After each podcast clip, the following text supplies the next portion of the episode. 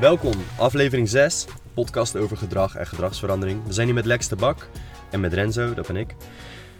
Ehm, we gaan het hebben over wanneer ontstaat gedragsverandering. Weet je wat, ik, ik stel gewoon gelijk de vraag. Wanneer ontstaat gedragsverandering en aan welke knoppen kunnen we draaien om dit tot stand te brengen? Ja, in deze aflevering 6, Renzo, hadden we eh, ook een beetje geplaatst om wat samen te vatten van al het gereedschap tot nu toe. Hè? Ja. We hebben nu eh, vijf afleveringen erop zitten met wat techniek. En laat ik nog even wat paar dingen terughalen. Want als we namelijk naar die voorgaande afleveringen kijken, dan kun je ook al iets zeggen over waar je aan moet denken om, om aan te sturen op gedragsverandering. Dus we hebben het gehad bijvoorbeeld over die vier functies van gedrag. Waarom gedragen mensen zich? Wil ik uh, iemand tot een gedragsverandering zien komen, of wil ik mezelf tot een gedragsverandering zien komen, moet ik nadenken of ik er nou in zit voor de aandacht, of mensen nou het liefst willen vermijden of ontsnappen, of dat mensen nou graag ook zichzelf een concreet doel stellen en zichzelf eraan willen houden. Wat wil nou eigenlijk het individu? En, en niet iedereen wil hetzelfde. Sommige mensen zijn dus gevoelig voor het krijgen van aandacht, positie, status, macht, geld. Andere mensen zijn juist gevoelig voor het zoveel mogelijk uh, met rust gelaten worden. En hoe gaan we daar dan mee om? En sommige mensen zitten puur op de inhoud en zeggen: geef mij een klus en ik ga het doen. Dus wie, waar iemand van is qua gedrag, is een hele belangrijke om te bepalen waar iemand ook gevoelig voor is, zou je kunnen zeggen. Dus zit iemand op aandacht? Is iemand vooral aan het vermijden of ontsnappen? Of heeft iemand daadwerkelijk concrete doelstellingen voor zichzelf gesteld? We hebben het ook gehad over hoe gedrag tot, tot stand komt. Heeft iemand al de juiste vaardigheden voordat je iemand vraagt om iets te doen? Heeft iemand wel tijd genoeg om te doen wat die persoon graag doet? Of wat we van die persoon verlangen, sorry. Dus hebben we, hebben we wel de checkvraag gedaan of mensen wel daadwerkelijk kunnen bieden wat we, ze, wat we van ze verlangen. We kunnen tegen een kind zeggen: je moet een 8 halen voor je dicté. Maar snapt een kind hoe die moet studeren voor zijn dicté? Dat is een vaardigheid. Heeft een kind begrepen hoe je werkt naar een dicté toe? Dat is een vaardigheid. Heeft het kind de tijd, de omstandigheden, de rust om te oefenen voor dat dicté? Dus we kunnen van alles zeggen over het eindresultaat. Je wordt een 8 te halen. Maar, wat, maar hebben we de juiste omstandigheden wel gecreëerd? We hebben het met elkaar gehad, ook namelijk omstandigheden over wat een mens is. Hoe is iemand gevormd? Wat is iemand zijn geschiedenis? Wat heeft iemand bij zich gedragen van geboorte tot vandaag? Om te komen tot het gedrag van dit moment. En wat voor omstandigheden heeft iemand nodig om te floreren, om andere keuzes te maken? Belangrijke dingen om over na te denken. Als je zegt: Ik wil graag dat je gedrag verandert. Want gedragsverandering is maar een woord. Maar uiteindelijk is natuurlijk de vraag: wat staat er allemaal klaar of niet klaar in de omgeving om die persoon tot ander gedrag te verleiden? Want we weten, elk gedrag is logisch voor degene die het vertoont. Het oude gedrag, het huidige gedrag, heeft al een reden. Ik rook vandaag 60 sigaretten op een dag. Dat heeft een reden. Daar kan je wat van vinden. Je kan zeggen, Lex, je moet stoppen met roken. Maar er is een reden waarom ik dat doe. Misschien heb ik wel te veel stress.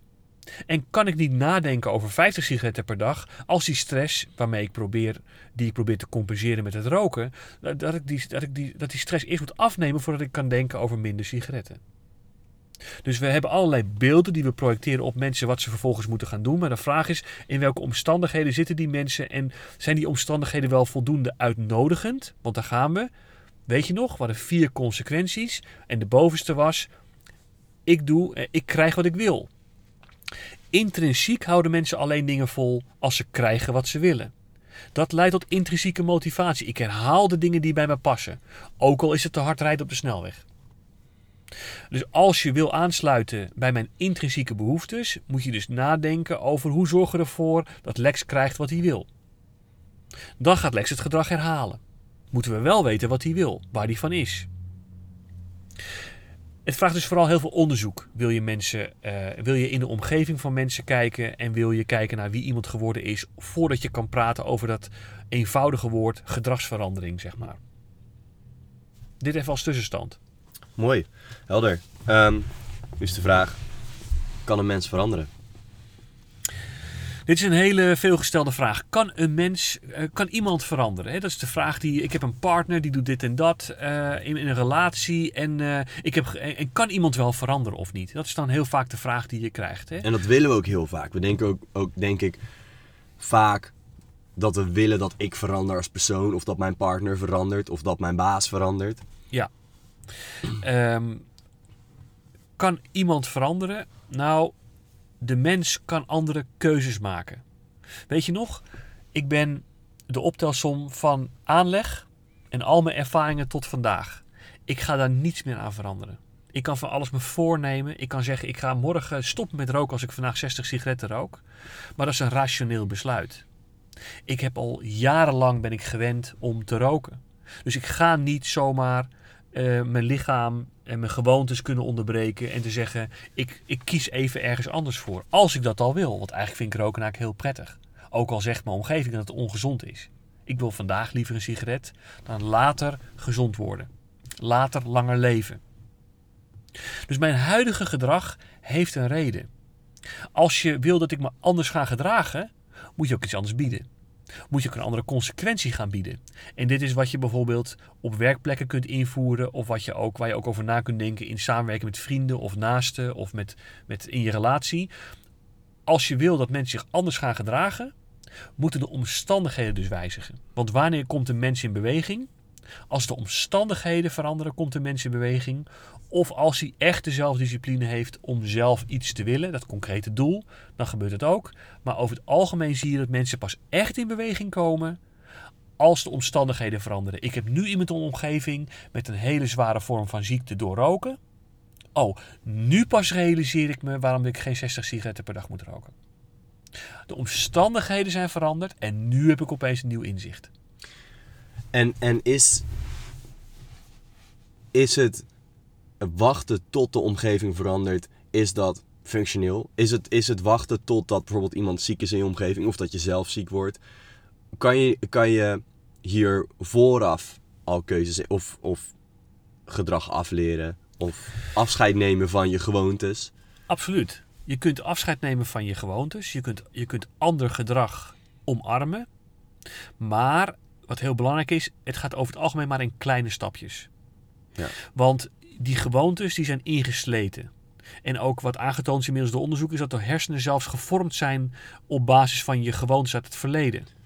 En eh, om die banen te doorbreken, om andere gewoontes aan te leren, zal je stap voor stap jezelf moeten gunnen dat je een proces doorloopt waarin je tot andere dingen komt. Let op, als je de meerwaarde inziet van die andere dingen. Wat er vaak gebeurt is dat mensen zeggen: Ik wil wel veranderen. Dat is eigenlijk dwang, omdat die ander het wil. Ja.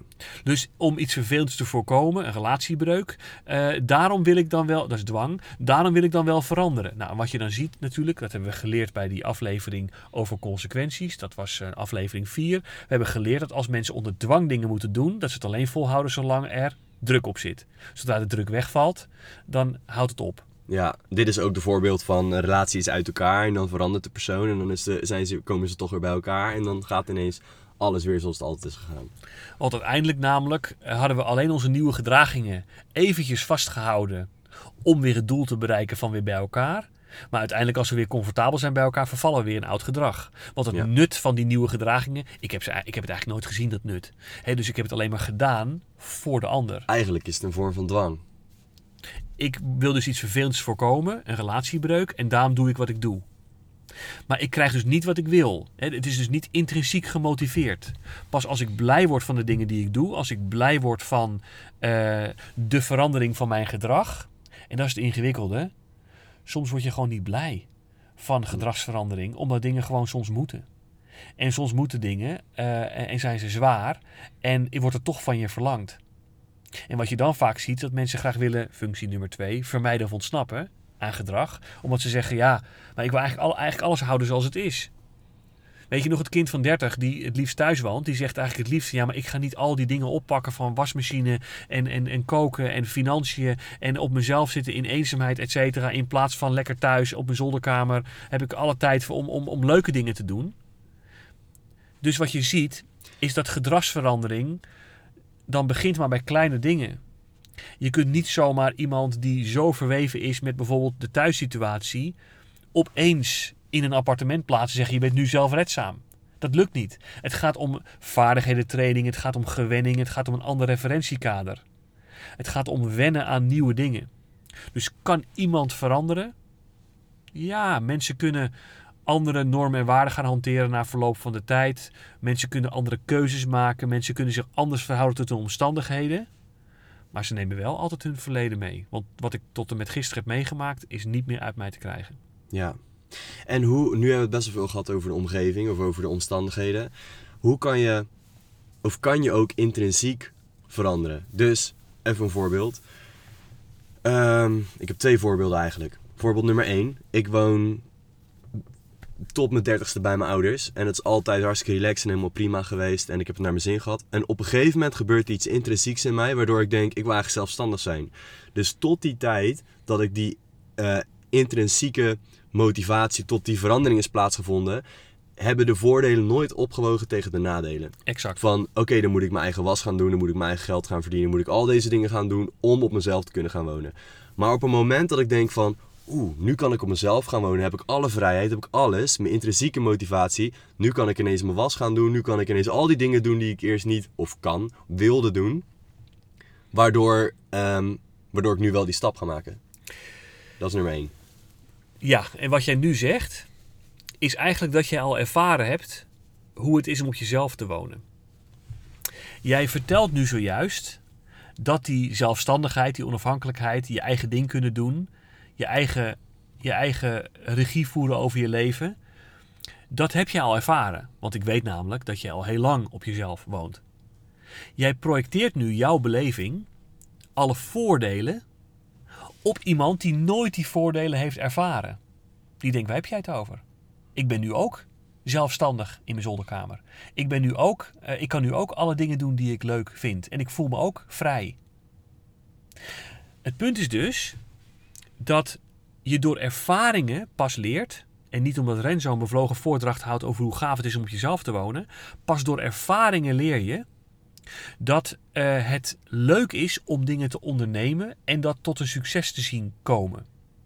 Een soort zelfverwezenlijking. Dat noemen de sociaalpsychologen self-efficacy. Ik, ik stel mezelf doelen, ook al zijn maar kleine doelen. Ik verzilver ze. En wat gaaf zeg, het lukt. Dit blijkt een hele belangrijke drijfveer te zijn voor geluk ook. Het verwezenlijken van nieuwe doelen, het behalen ervan en trots zijn op jezelf. Positieve feedback. Positieve feedback. Maar het gaat maar in kleine stapjes. Dat einddoel van je wordt heel gezond Lex als je nu stopt met roken. Dat einddoel van het is onwijs gaaf om op jezelf te wonen Lex als je nu uit huis gaat. Dat einddoel voel ik niet, ervaar ik niet, want ik heb het nog nooit meegemaakt. Mensen moeten dus dingen ervaren. Experiences zijn dus super belangrijk, zou je kunnen zeggen, om mensen te doen ervaren dat het ook anders kan, leuker kan en dat het waardevoller kan. Als die persoon vijf jaar uit huis is, in dit voorbeeld van die 30-jarige, als die persoon vijf jaar uit huis is, hij is nu 35 en jij gaat met hem in gesprek, dan zal die persoon zeggen: Ja, inderdaad, je hebt gelijk. Ik zie het ook, onafhankelijk, et cetera. En ik heb behoorlijk wat jaren verloren tot op mijn dertigste daarmee te wachten. Ja, dat zien mensen pas nadat ze het gedaan hebben. Mm. Dus het lastige is dat gedragsverandering stapje voor stapje helaas kan. Dat je niet hele grootse beelden kunt schetsen, want mensen ja, heel, heel vervelend gezegd, geloven je gewoon niet. Omdat ze namelijk geloven in hun eigen werkelijkheid. En die eigen werkelijkheid is thuis wonen op de zolder met een goed gevulde koelkast beneden en ik word geroepen voor het eten en mijn kleding vind ik schoon in de kast. Dat is prettiger dan een perspectief van al die dingen zelf moeten doen. Dus mensen herhalen vooral hun eigen referentiekader. Dat doe jij ook. Door te zeggen, maar het is toch gaaf om dat te doen? Ja, dat zegt iemand die het al gedaan heeft. En dat maakt het lastig. Je probeert dus mensen bij gedragsverandering te verleiden tot iets wat ze nog niet ervaren hebben. Dus je moet een soort van gaan overtuigen. Dat is heel moeilijk te doen. Dus het beste wat je kunt doen is hele kleine succesjes vieren. Iedere vaatwasser die, die ingeruimd wordt is één groot feest. Iedere wasmachine, iedere zelfredzaamheid op het punt van koken, iedere maaltijd is een feest positive reinforcement, positief bekrachtigen bij ieder succesje van 60 sigaretten per dag naar 59 sigaretten per dag is een succes. Goed gedaan. Ik krijg wat ik wil. Ping. En dat moet leiden tot de volgende afbouw van de volgende sigaret of de volgende volle wasmachine of de volgende maaltijd die ik thuis kook voor mijn ouders. Ja. Dus het, het is geleidelijk. Het gaat gradueel, zeg maar. En het ene is weer een opzet tot de volgende. Exact. Ja. Exact. Andere vraag. Ehm, ik wil op mezelf wonen. Kan om verschillende redenen. Om terug te grijpen naar de tweede aflevering, de vier, de vier redenen van gedrag, kan het dus zijn ten, als eerste om eh, voor aandacht. Dus ik kan op mezelf gewoon. Ik ben 18 jaar en ik denk, weet je wat, ik ga nu op mezelf wonen, want dan kan ik tegen iedereen opscheppen. Ik ben zelfstandig. Ik heb mijn ouders niet meer nodig. Kijk eens wat ik kan. Kijk eens hoe goed ik ben. Kijk eens hoeveel geld ik verdien. Dat is nummer één. Nummer twee zou misschien kunnen zijn, nou ja, dat is een hele makkelijke vermijden. Misschien wil ik mijn ouders vermijden, omdat ik geen goede relatie heb of wat dan ook. Nummer drie, concrete doelen. Ik wil op mezelf wonen, omdat ik gewoon tijd en ruimte voor mezelf wil om mezelf te ontwikkelen. Of eh, ik wil gewoon mijn eigen ding kunnen doen eh, en op mezelf kunnen wonen. Omdat ehm, ik denk dat ik dat kan. Eh, whatever. Ja. Ja, vierde is misschien moeilijk. Misschien ik wil heel de dag masturberen of zo. Dus, Zou ook een doel kunnen, zou ook een doel kunnen zijn. zou ook een doel kunnen zijn. maar laten we even kijken naar de eerste drie. Ehm, hoe kan, hoe kan onze. Hoe, he- hebben wij invloed op de intrinsieke motivatie? Dus hebben wij invloed op onze eigen of op die van iemand anders motivatie van, van, van aandacht? Of kunnen. Oké, dit zijn heel veel vragen door elkaar. Maar. Kijk, ik, kan, ik neem aan dat ik invloed kan hebben op jou door te kijken. eh, ik ben, ik ben eh, jouw vader. Ehm, en ik merk dat jij heel erg op aandacht zit.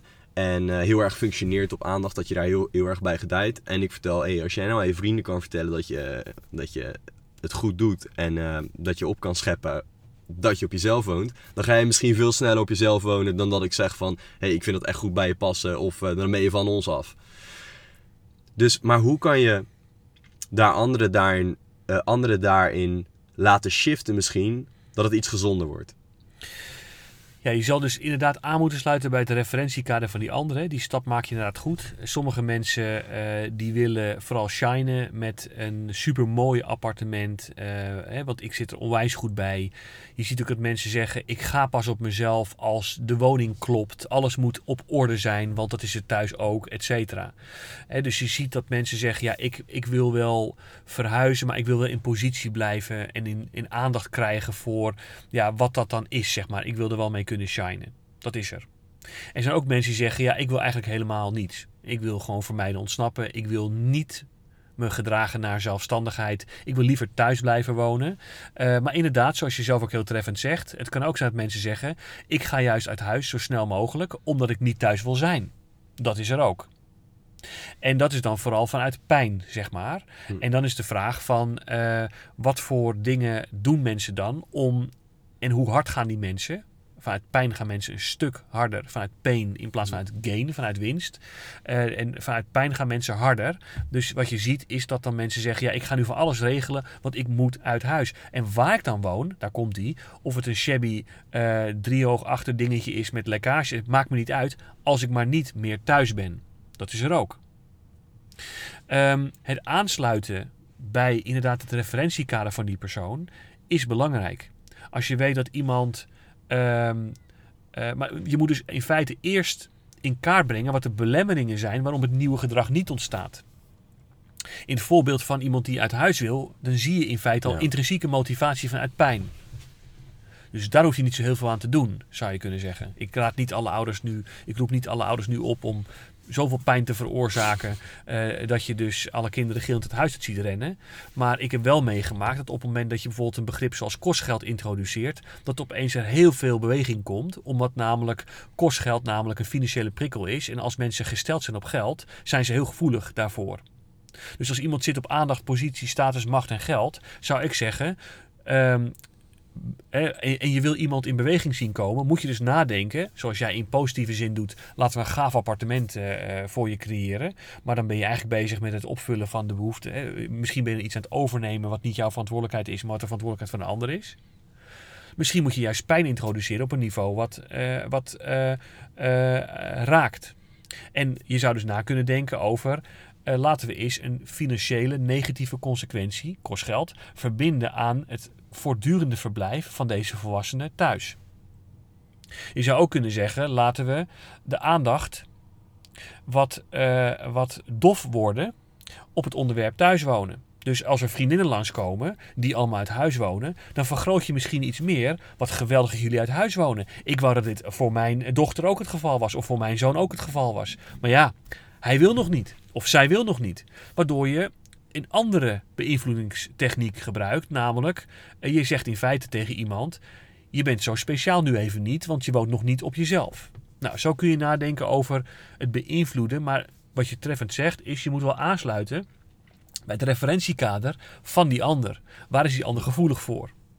En, is die al, en, en, en als dat zit op concrete doelen, ik wil gewoon verder met mijn leven, dat is een eenvoudige. Als het zit op, het is leuker ergens anders dan thuis, is hij eenvoudig. Als hij zit op, ik heb het echt uitstekend thuis, alles wordt voor me gedaan, dan wordt hij een stuk lastiger. En dan moet je echt gaan nadenken over hoe ga ik dat goed aanpakken.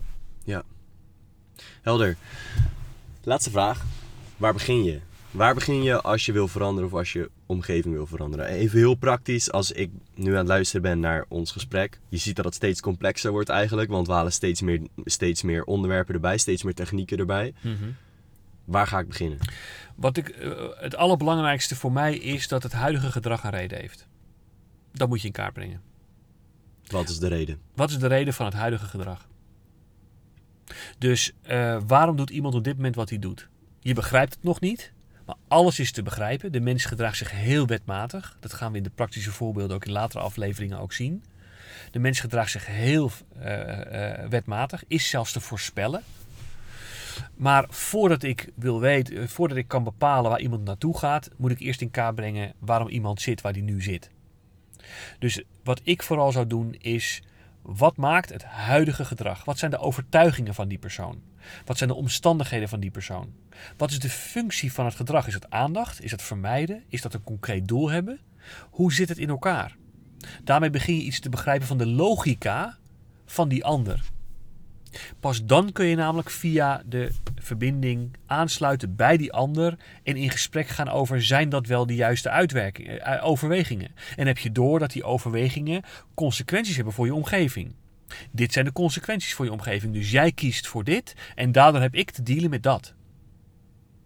Dus begin bij het huidige gedrag. Dat is stap 1. En daarnaast, heel praktisch, het gaat maar in kleine stapjes. Bedenk dan wat voor ander gedrag je wil zien. Kun je het ook echt benoemen? Verval niet in containerbegrippen, maar het moet meetbaar, waarneembaar uh, uh, uh, gedrag zijn wat ik met mijn zintuigen kan waarnemen. En dan wil ik er toch nog heel veel op inhaken. Wanneer is het. Is, zou je kunnen zeggen dat het manipulatief is of, of verkeerd is? Want manipulatief, manipulatie heeft best wel een negatieve. negatieve connotatie. Ja. ja. Um, en denk je, denk je dat, dat dat verkeerd is om te, om te zeggen van oké, okay, iemand zit heel erg op aandacht. Ik ga inspelen op dat niveau? Of dat manipulatie is. Ja, is dat manipulatie? En is Nou, dat verkeerd? In feite, in feite uh, je, ik, ik noem het zelf liever beïnvloeden. Je kunt het ook manipulatie noemen hoor, maar je kunt het ook vanaf de andere kant als manipulatie betitelen. Ja. Want even heel vervelend, als ik namelijk een 30-jarige heb thuis wonen en die zegt ik ga niks doen, ik ga die afwasmachine niet uitruimen en ik ben dus de hele dag bezig met die afwasmachine uitruimen en ik ga niet mijn financiën regelen, ik wil niet leren koken, ik wil dit, dit en dit niet, dan is die ander in feite ook mij aan het manipuleren, toch? Dan is dat een soort van morele chantage. Dat ik blijkbaar de ouder ben van die 30-jarige. Die, en ik mag gewoon eens even lekker blijven doen wat ik deed. Want ik heb namelijk geen zin als 30-jarige om te bewegen. In het voorbeeld van die 30-jarige die thuis woont. Dus de vraag is een beetje, misschien is dat een stellingname, kracht heeft kracht nodig. Uh, macht vraagt soms om macht. Dus wil ik op, word ik uh, in een bepaalde hoek gedrukt door het gedrag van anderen. En is dat gedrag niet passend van die anderen. Uh, dan, dan zal je dus over moeten gaan tot ook tegenkracht wil je die ander zien bewegen. Je kunt dus zeggen, maar dan, dan begin je eigenlijk met het manipuleren van die ander, het beïnvloeden van die ander, dat klopt. Maar is die ander mij niet al een tijd aan het manipuleren en beïnvloeden? Hm. Want ik heb namelijk al een paar keer daarvoor gezegd dat het misschien gezond is dat iemand zijn ding gaat doen, uit huis gaat, et cetera. Maar er wordt niet gereageerd. Sterker nog, ik krijg emotionele uitspattingen, iemand wordt boos, et cetera, slaat met deuren. En dan is het gesprek weer voorbij. Keer op keer op keer. Dus ben ik dan degene die manipuleert? Of is de ander in feite onaangepast en vraagt dat een wat rigoureuzer aanpak? Ik laat het met jou over. Vind ik een mooie afsluiter. Thanks man. Ja, gek. Op naar de volgende. Yes.